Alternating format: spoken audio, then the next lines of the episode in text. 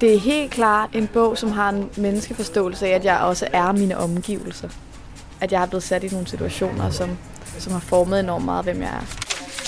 Please, læs den, så vi kan få noget fred i verden.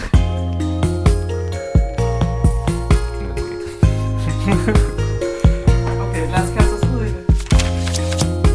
Velkommen til episode 3 af podcastrækken Litterære Anbefalinger, hvor jeg taler med nogle af landets mest bogforelskede mennesker om de bøger, der kan forandre og lindre og ændre på ting, og som alle derfor burde læse. I hver episode der giver jeg nemlig to litteraturnørder den måske allermest ubarmhjertige udfordring, kun at anbefale en eneste bog. Mit navn er Silke Fensmann. Du lytter til Gyldendal Podcast.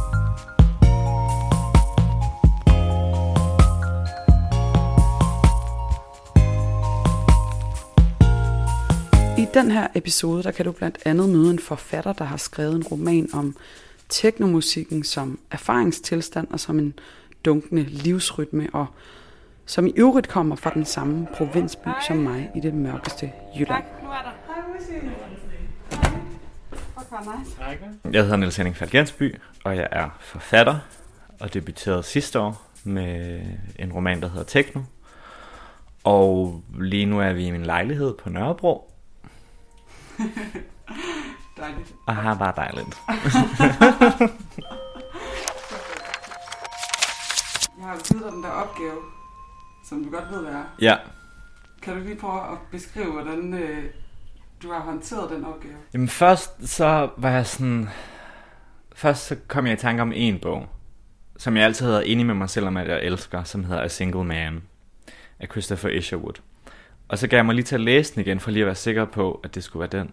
Og så, og jeg ved ikke om det er fordi, jeg måske er blevet lidt ældre, siden jeg sidst læste den, eller om min smag har ændret sig, men jeg kunne virkelig ikke særlig godt lide den. I hvert fald ikke lige her i løbet af den seneste uge. Okay. Øh, eller sådan. Ja, det ved jeg ikke helt hvorfor. Og så, så tog jeg bussen fra Aarhus til København i dag, og så sad jeg og tænkte over, nå, fuck, fuck, fuck, fuck, fuck. Jeg tror måske, jeg i en periode var vildt svært ved at finde ud af, hvad jeg kan lide.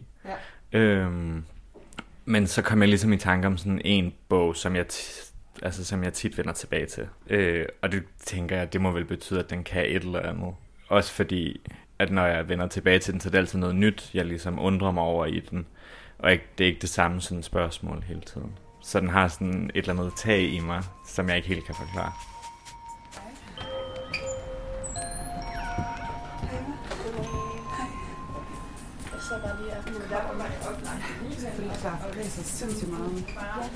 Og så kan du møde en kommende forfatter inde og skribent, der nok er bedst kendt for sin stærke feministiske stemme i debatten om hævnporno og ligestilling, og som også lige så stille er undervejs med et bogprojekt på Gyldendal.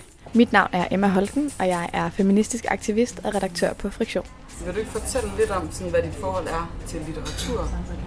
Jo, altså i Danmark er jeg jo sådan, eller i, verden, eller man skal sige, er jo mest kendt for ligesom at snakke om overgreb på nettet og om feminisme og sådan noget, men jeg har faktisk en bachelor i litteraturvidenskab, øhm, og har meget brugt litteratur på forskellige ting i forskellige tidspunkter i mit liv, men jeg tror, at for mig er litteratur primært sådan et empatisk redskab, altså en måde at sætte sig i andre menneskers sted, og også derigennem måske få sådan en hurtig lille flugt. Jeg tror i perioder, hvor jeg har haft det psykisk enormt svært, har litteratur været virkelig, virkelig vigtigt for mig i forhold til at gøre verden lidt større end ens eget hoved, og sådan de skrækkeligheder, der kan foregå derinde. Så jeg tror, det er både sådan terapeutisk, men det er også vildt politisk for mig øhm, at læse, som man nok også vil opdage senere i afsnittet. Jeg øhm, har en kontrakt hos Gyldendal, øhm, og den er ikke på skønlitteratur. Jeg forstår ikke, hvordan folk tør skrive til litteratur. At der er nogen, der overhovedet nogensinde sætter sig ned og begynder på en roman, er ufatteligt for mig. Øhm, men jeg skal... Og det, ja, det kan vi ikke helt afsløre, men det bliver faglitteratur, og det bliver om feminisme. Og sorry alle sammen, I får ikke den store, forkromede, her er mine følelser, Danmark. I får øhm, noget faglighed om feminisme fra mig. Til morgenmad har jeg fået blandt selv slik fra palmen, som jeg spiste i går aftes. Lange, blå, sismofytter-agtige lignende konstruktioner. Det skal med i podcasten. Det var sådan en meget syrlig beskrivelse.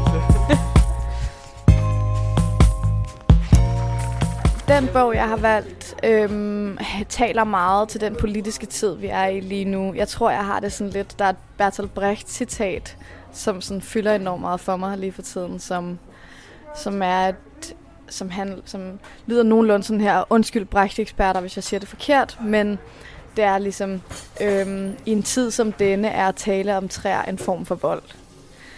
Og det han ligesom mener, han sagde det op til 2. verdenskrig, han sagde, lige nu er vi i en tid, som er så ufattelig ubehagelig og voldsom politisk, at at tale om noget andet end det, at virkelig et statement, og ikke vælge noget politisk, eller lave kunst om noget politisk.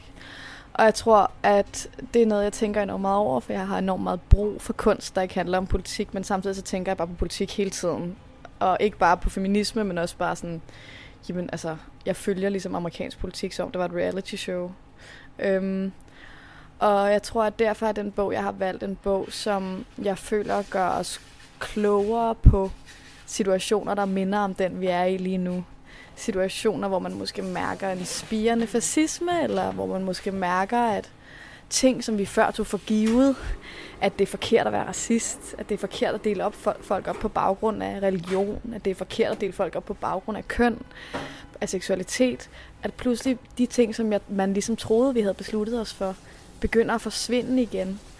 Og det er bare ikke første gang i historien, det er sket. Og den bog, jeg har valgt, skildrer sådan et tidspunkt i europæisk historie, og handler meget om identitet og national identitet, og, og hvad det vil sige. Og jeg tror, at der kan litteratur virkelig være en kæmpe hjælp i os, for, os, fordi at, at skrive litteratur om, hvordan situationen er lige nu, gud, hvor ufattelig fucking uoverskueligt, altså. Og hvis du så skal præsentere bogen, øhm, og måske lige sige lidt om, hvorfor du var sådan ret sikker på, at du faktisk skulle vælge den bog. Fordi at du, da jeg fik forspørgselen fra dig på at være med, så spurgte du mig ikke, hvad jeg synes var den bedste bog, eller hvad der var min yndlings. Det ville jeg have haft vildt svært at svare på. Men du spurgte mig, hvilken bog synes jeg alle skal læse. Og det var jeg ikke i tvivl om. Øhm, fordi at det her med, hvad skal alle læse, det handler meget om, hvad vil være bedre til at bygge en stærk, god kollektiv identitet og en kollektiv selvforståelse. Og der tror jeg virkelig, at den her bog kan det, og giver os nogle gode måder at tænke over, hvad det vil sige at være et menneske, og hvad det vil sige at være et menneske, der deler et samfund med folk, der er anderledes end en selv, og hvad det vil sige at være et menneske, som prøver at være åben og empatisk i en tid, hvor det er enormt svært. Vi taler naturligvis om Verden af i går af Stefan Zweig. Jeg har læst den på to forskellige tidspunkter i mit liv, hvor den har været meget, hvor jeg opfattede den meget forskelligt. Øhm, jeg læste den første gang, da jeg var ret lille, da jeg var 15, øhm, hvor min, min far var vildt optaget af den, og bare sådan, den må du læse, og sådan noget. Og jeg kommer ligesom fra sådan et meget læsende hjem. Så det gjorde jeg, og jeg synes, dengang synes jeg, sådan, den var sådan lidt spændende og velskrevet, og det her vilde øjeblik i europæisk historie. Den foregår sådan op til og under efter Første Verdenskrig, og bare sådan, uh, hvad det dramatisk, og der er krig under opsejling og sådan noget. Øhm, men jeg lavede overhovedet ikke øh, båndet til vores egen tid. Måske også fordi, at for 10 år siden var Danmark lige noget andet, end det er i dag.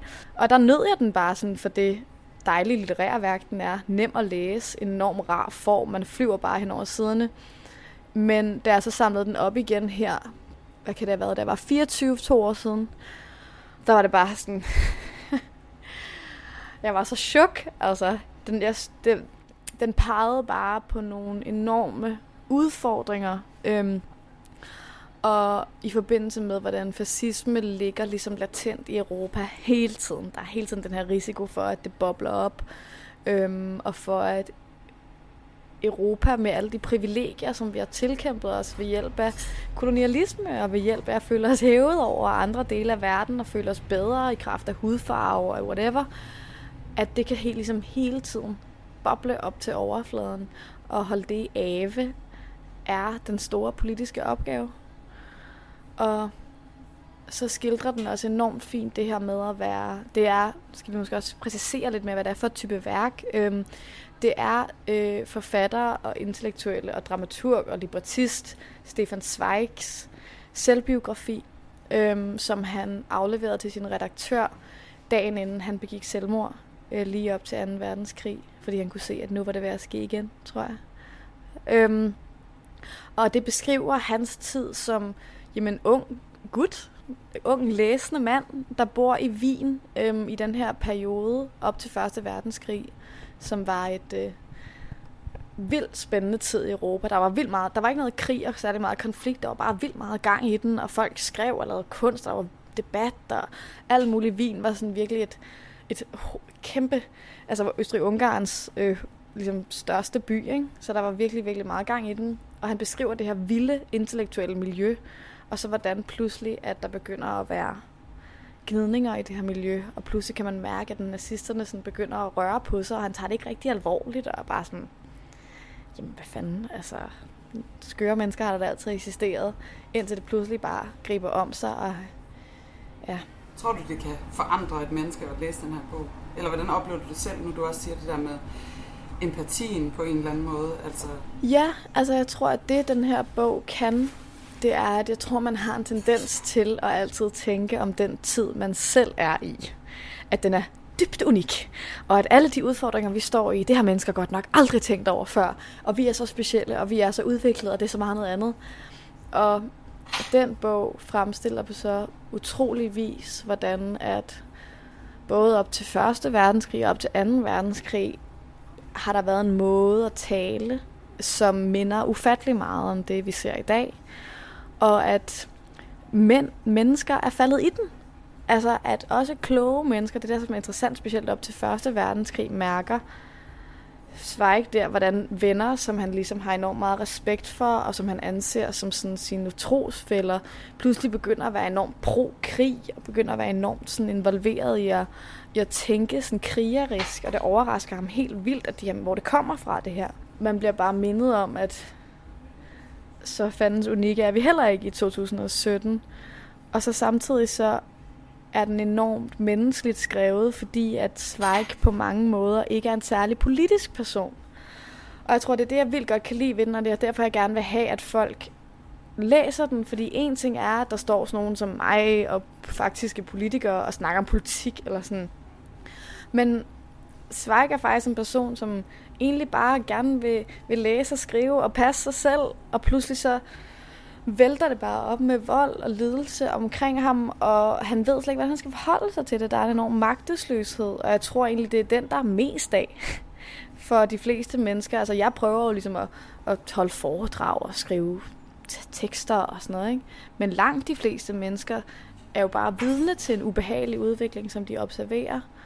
Og Zweig giver ligesom dem et sprog øhm, og en måde at forholde sig øhm, og tænke over uretfærdighed og politisk udvikling, som jeg synes er ufattelig brugbar. Det, som er enormt interessant ved bogen, er, at det ender faktisk som en historie om en flygtning. Øhm, og som også er jo en trope i, i vores tid. Hvad, hvad, det, hvad, det, hvad er det flygtede menneske for et menneske? Og han beskriver også enormt jamen, rørende det her med at være fordrevet fra sit eget hjem, og ikke vide, hvad der sker med ens venner, ikke vide, hvad der sker med nogen. Det er meget, meget interessant og virker enormt provo i vores dage. Man kan lige forestille sig, at nogen laver sådan en konceptuel roman om en europæer, der flygter, og sådan pseudo-hypotese. Men her er det jo fuldstændig konkret en europæisk jøde, der simpelthen er nødt til at flygte fra sit eget land på grund af nazisternes fremtog. Ikke? Øhm, så det, man behøver ikke lave et koncept. Der er sket. Historierne findes. Øhm, og han får bare beskrevet enormt mange af de tilstande, som virker enormt svært tilgængelige for os, som ikke taler arabisk for eksempel. Ikke? Øhm, så det er en, en historie om en intellektuel, der flygter fra krig. jeg tror noget af det, som, som jeg huskede på, da jeg sad bladret i den her, inden jeg skulle møde dig, det er, at jeg kom i tanke om det her med, at Zweig ikke så nazisme som en ideologi, han så bare Hitler som en enorm karismatisk person. Altså han så det slet ikke som sådan en færdigtænkt politisk ideologi, og det synes jeg bare er enormt interessant, fordi når vi snakker om fascisme, så forestiller vi os ligesom, at der kommer den her færdigpakkede idé om jøder, muslimer eller fattige, eller så som sådan manifesterer sig i en for diktatur eller sådan noget. Han var bare sådan, der var ikke nogen grand plan, der var bare en diktator, der fik overbevist en masse mennesker og følge ham blindt. Og det synes jeg bare er så ufattelig angstprovokerende. øhm, men... Skriver han det i, altså i bogen? Ja, det bliver ligesom tydeligt, at altså, det starter ligesom med, at, han sådan lidt, at alle gør sådan lidt grin med Hitler. Alle er bare sådan lidt, hvem er den her lille tysker, der pludselig tror, at han skal tage så meget plads, og alle er sådan lidt, synes, det er lidt komisk det hele, ikke? Og i sådan bagklogskabens lys, altså han begik jo selv selvmord, nu skal jeg ikke sige det forkert, jeg tror det er 33 eller 34, øhm, hvor der var jo mange, der udmærket vidste, at det var ved at gå fuldstændig galt, og mange jøder flygtede. I, altså at se på det nu, og læse det nu, når man vidste, hvad der skete efter hans død. Man tænker bare, hvor var det godt, du ikke skulle opleve det følsomme Stefan. Det ville have ødelagt dig fuldstændig. Noget af det, som jeg tænker meget over ved vores politiske virkelighed, det er sådan, hvor øhm, hæmningsløst folk hader og opildner til had. Altså, at man slet ikke tænker over, at når man lægger meget, meget stærke følelser på bordet politisk, så kan det selvfølgelig rykke en masse. Det er faktisk det eneste, der rykker noget. Og man åbner også en anden form for Pandoras æske, hvis man lader had eksistere hæmningsløst. Du kan ikke bare stoppe det igen. Heller ikke, hvis du er den politiker, der har startet det, kan du stoppe folk fra at hade. Det tror jeg, jeg har nogle udvalgte mennesker, i der lever lige nu, jeg godt kunne tænke mig at fortælle til. ingen nævnt, ingen glemt, som vi siger på svensk.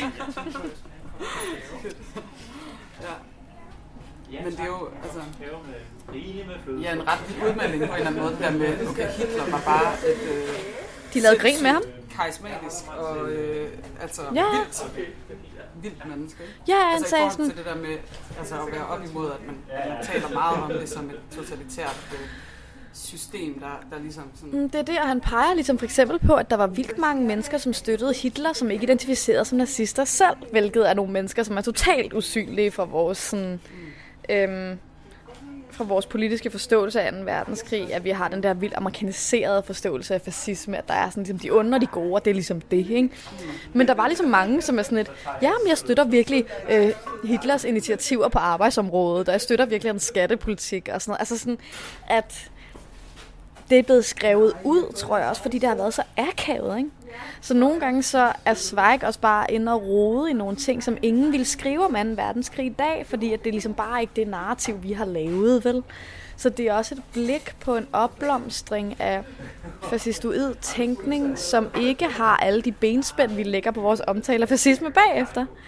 Som jeg synes er enormt interessant og også uhyggeligt, fordi man opdager, at det er jo ikke fordi, der er nogen, der stiller sig op og siger, nu kommer fascismen.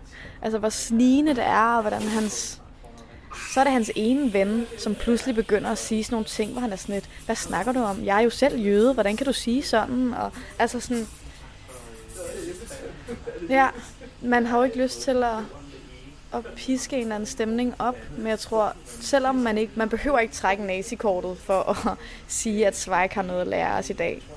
Og så tror jeg specielt noget, som jeg synes er så fantastisk ved, ved Zweig, det er, at han, han slår et utroligt intelligent og velovervejet slag for multikulturalisme, som vi jo kalder det i dag. Han kaldte det europæanisme dengang for den der nedprioritering af, af, af nationalisme og nedprioriteringen af fokus på vores forskelle, men at tænke over, at vi deler litteraturen og menneskeligheden. Og det kan lyde ufattelig banalt, men det er utrolig komplekst, ikke?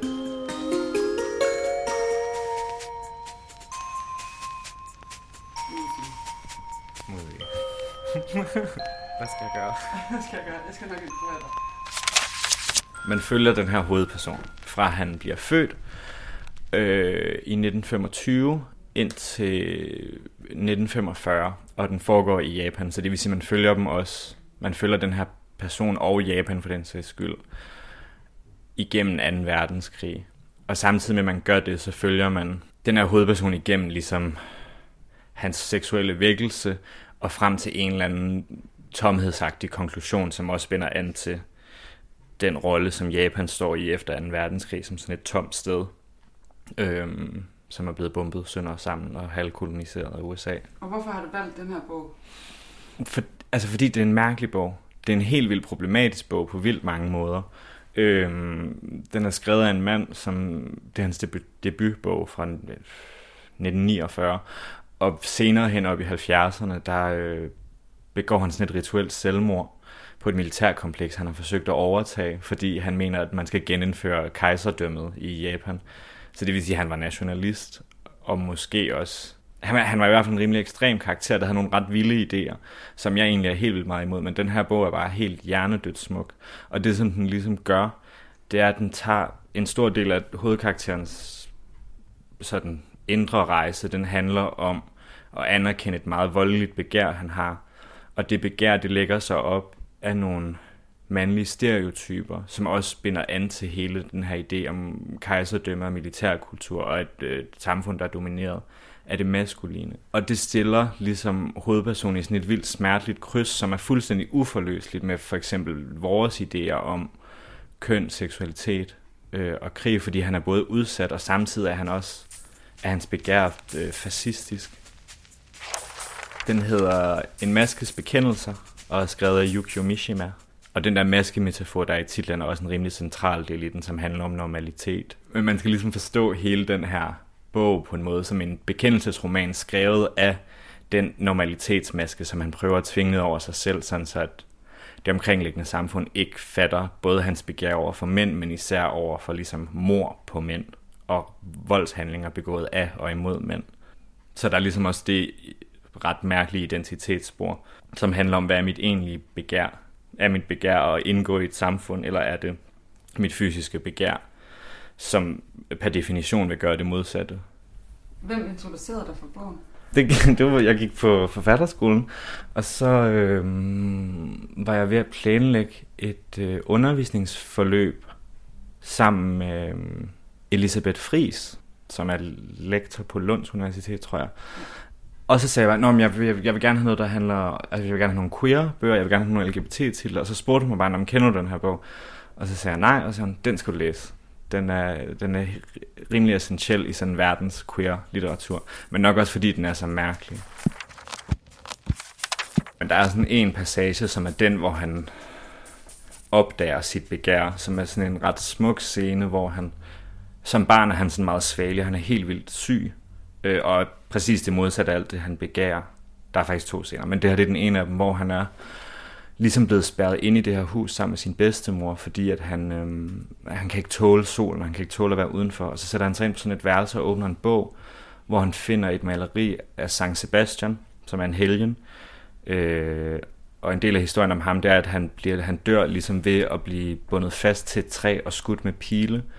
Og så i det, han ser det der billede, så, øh, så kommer han simpelthen ud over den der bog i en alder af 11 eller sådan noget. Og det er bare en ret vild scene, fordi det er som om, man ikke rigtig... Den er ligesom meget distanceret fra indholdet, for det er jo enormt voldsomt, ikke? Og ligesom øh, at erkende sin seksualitet i kraft af et mor. Øh, men beskrivelsen af den er bare sådan helt nøgtern fra det der jeg.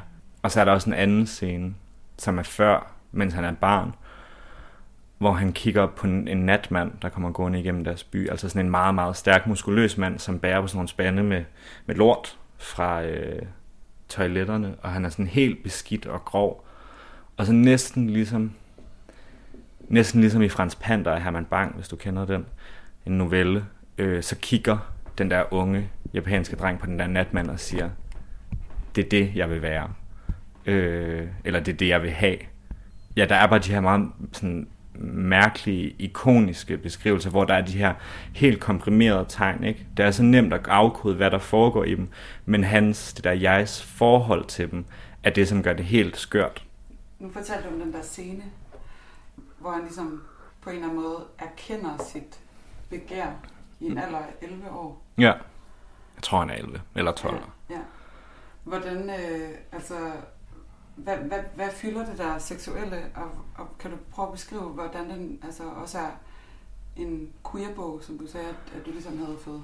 Øhm, det, altså, nej, det er et af de spørgsmål, man hele tiden kan vende tilbage til, for er den egentlig det? Når han, fordi jeg tror, Mishimas idé om manden var sådan, at han havde sådan et ideal mandebillede, som var klassisk maskulint. Men det handler om at binde det sammen med ideen om, at øh, den mand er et begærsobjekt for en anden mand, så det hele forrykker sig. Hver gang man prøver ligesom at sige noget om, så er det som om, det kan man ikke sige på grund af det. Jeg tror, den sidste konklusion, jeg prøvede at drage omkring bogen, det var, at det begær, som Mishima næsten altid fremskriver, er et begær, som er altså som simpelthen er bundet op, også på Japans historie. Altså som er noget modbydeligt. Så det der begær er ligesom helt vildt farligt. Det er samtidig ikke noget, man overhovedet kan se væk fra. Og udskyldstabet er helt essentielt og voldeligt. Og det tror jeg er ret, altså det, det er en af de pointer, som er sådan rimelig fast i bogen, det er, det er en, det er en voldsom oplevelse. Og især at erkende, at det begær, man har, ligesom ligger uden for den normale opfattelse, både af, altså fordi det er jo ikke bare et homoseksuelt begær, det er et decideret voldeligt begær, han har. Øhm, og erkendelsen af det er forhånd en dødsdom, som han så prøver selv at realisere igennem for eksempel at ville krig. Og det, som jeg synes er så vildt ved den, det er, at den har ikke en eller anden påtaget opfattelse af begær som enten naturligt eller konstrueret, eller noget som helst. Det eneste, den ved, det er bare, det er voldsomt, og det er også ret alvorligt.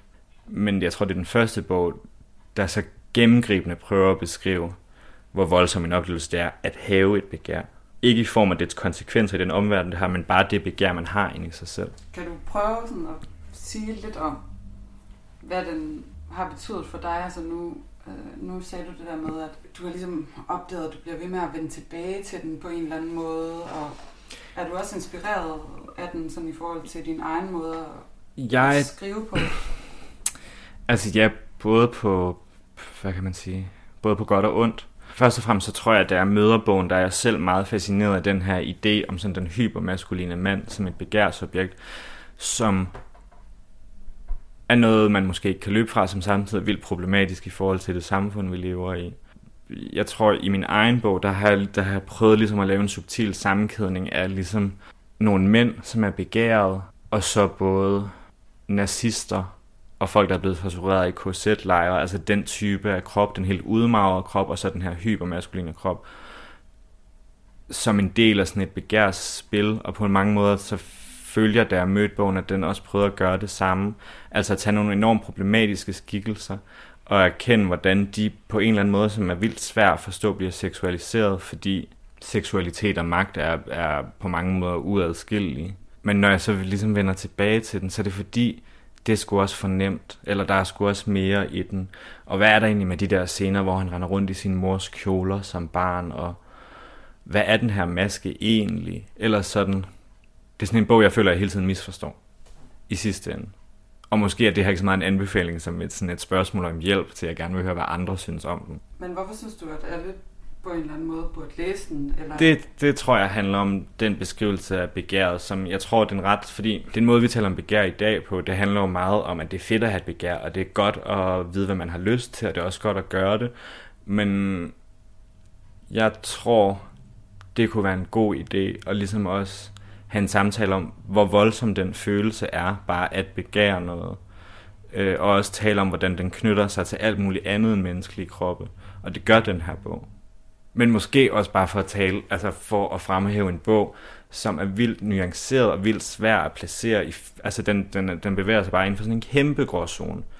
Og den prøver bestemt ikke at være hellig, eller, eller være for den sags skyld ekstraordinært beskidt. Den prøver bare ligesom at give et enormt nuanceret billede af et specifikt begær, og hvordan det måske, måske ikke er affødt af et omkringliggende samfund, og derigennem også begrænset. Og sådan nogle fortællinger synes jeg altid, vi har brug for flere af. Hvad tror du, det gør? Altså det der med, at man sætter sig ind i, hvordan et begær kan være øh, helt øh, uden for normalitetens grænser, eller altså være et vold, voldeligt begær? Altså jeg tror, der kan ske flere ting. Altså der sker ligesom to ting samtidig. Man møder den anden, og man møder sig selv. Jeg tror altid, det er godt at møde noget fremmed, og det her, det er virkelig, altså det er et fremmed, det er ikke, det er ikke sådan noget sexet, 80-agtigt sadomasochisme. Det er virkelig mærkeligt at se ligesom det her begær allerede fra starten af at være implantet i et barn. Og så tror jeg bare, det er helt vildt sundt at erkende, at det er sandt. Det findes og er muligt. Det er ikke løgn. Det er ikke en eller anden, det er ikke en eller anden fortælling, man fortæller sig selv. Det her er, i hvert fald i den her bog, men også i mennesker jo, øh, en sandhed. Og samtidig så tror jeg også bare, så tror jeg, der er mange flere, end der egentlig lige, altså, der lige vil sige det, som øhm, har en oplevelse af, altså jeg tror især bare i de der coming of age år, at det er ret voldsomt at opdage sit begær. Og tit bliver den der teenager eller iscenesat som noget sødt, eller noget sjovt, altså i sådan nogle, altså i komediefilm og i bøger om det og sådan noget. Øh, og jeg synes lidt sjældnere som noget enormt voldsomt, en voldsom oplevelse. Og jeg tror, skulle det være meget sundt, hvis altså måske især mænd faktisk, altså tog sig tid til at bearbejde den erfaring, Øh, og det tror jeg, man kan med sådan en bog som den her. Jeg sidder og tænker, altså jeg kan ikke lade være med at sidde og tænke på, øhm, på en scene i Nymphomaniac. ja. Det er meget det er lang tid siden, jeg har set den. Det er virkelig, ja, men øh, jeg kan bare huske, at den ramte mig helt vildt. Og det er sådan en scene, hvor, altså, hvor der ligesom er en af, af dem, som hovedpersonen ligesom afpresser på en eller anden måde øh, seksuelt, øh, som ligesom opdager øh, sit pædofile begær. Altså hun prøver ham af, og så begynder hun at sige nogle ting og sætte ham ind i en bestemt scene, hvor han betragter nogle, nogle børn, og så, øh, og så får han stivpæk og, er sådan, og begynder at græde. Og det er hen mod slutningen, Ja, det er sådan, jo. Jo, jo, jo, og hvor det er vildt ubehageligt. Og det er helt vildt ubehageligt, og det, men det ramte mig bare helt vildt, synes jeg, at se den der, altså på en måde, ja. altså den der scene med, at, at man bliver... Altså, jeg husker det som om i Nymphomaniac, der handler det om sådan en pointe om, at den pædofile, der aldrig har en seksuel erfaring, er ligesom en særlig ædel størrelse, mm. fordi de har kunne finde ud af at adskille mm. deres etik fra deres kropslige mm. øh, begær. Men det er rigtig nok, den der scene er sindssygt ubehagelig. Men det er den, fordi man jo i den forstår, og det er også det, man forstår i den her bog, at der er nogen måder at ligesom være et seksuelt væsen på, øh, som altså på det forkerte sted, på det forkerte tidspunkt, er en dødsdom. Eller altså hvad der minder om det, ikke? Og sådan er det jo stadigvæk. Altså det er nok bare på grund af det nymphomani, eller på grund af nymfomanikere i nutiden, så er den jo nok bare blevet rykket derhen. Men det er, jeg tror, på mange måder den samme erfaring. Altså at opdage, at man hele sit liv skal gå og være fuldstændig obsessed med, hvordan man udtager sig, hvad man siger, øh, og hvad folk tænker om en, i den store frygt for, at de skulle opdage, hvor skrækkeligt et øh, begær man har inden i sig. Men nu nævnte du det der med, at du på en måde, lige så meget som det var en anbefaling, er det også en eller anden opfordring til, at... Øh, ja, eller et ønske. Et ønske. øhm, kan du prøve at beskrive lidt, hvad det er for en samtale, du måske kunne ønske, at den kunne jeg tror, afføde, hvis man kan sige det på den måde? Jeg tror, det kunne være mega interessant at tale om, hvordan man etisk skal forholde sig til den. Fordi at Mishima øh, etisk er en, pro- er en problematisk karakter i Japans historie. Han er, han er den type af forfatter, hvor han var sådan en, man regnede med at få Nobelprisen. Så gjorde han så det her, altså så kuppede han så det her militærkompleks og begik rituelt selvmord med et samurajsvær og fik skåret hovedet af en af sine øh, soldater, som var sådan nogle, han havde sådan sine egne soldater, han gik rundt med, sit eget lille militær. Altså, så han var, altså udover at han var en stor kunstner, så var han også bare altså crazy og nationalist. Han stak et samurai svær ind i sin egen mave, øh, ind i den der bygning, da hans kup gik galt. Ja, han, var, jamen, han har en vild historie, og det gør, altså, og lige så snart man ved det, så bliver man jo nødt til at prøve igen at være sådan, okay, men den her beskrivelse af Japan som et land, der mister sin uskyld til USA, hvordan skal vi egentlig forstå det? Og øhm, fascinationen af den maskuline krop over for bare fascinationen af diktatur. Altså sådan, i sidste ende tror jeg, det er fordi, det er en helt vildt problematisk bog, men som samtidig har spillet en kæmpe rolle i, altså vidt jeg kan forstå, når jeg, i LGBT-litteratur, altså når jeg læser andre forfattere, hvad de er blevet inspireret af, så er der rigtig mange, der nævner den her bog. Hvor er det sygt, at han har... Jamen, altså, han var, ja, han var en vild person. Han har, altså, han har skrevet en anden bog, der hedder Det Gyldne Tempel, som handler om en munk, hvis begær er at se sådan et stort buddhistisk øh, tempel brænde. Altså han, han har også bare en fascination af vold og det dramatiske, som er sådan helt ud over kanten. Hvilket jeg, hvilket jeg tror er det eneste, der kan drive en til at begå et rituelt, et klassisk japansk rituelt selvmord, efter ens øh, forsøget kub fejler. jeg elsker selv den her podcast, fordi det er så fedt. Man får virkelig lyst til at Tak fordi du lyttede med på litterære anbefalinger fra Gyldendal podcast med Emma Holten og Niels Henning Falk Jensby.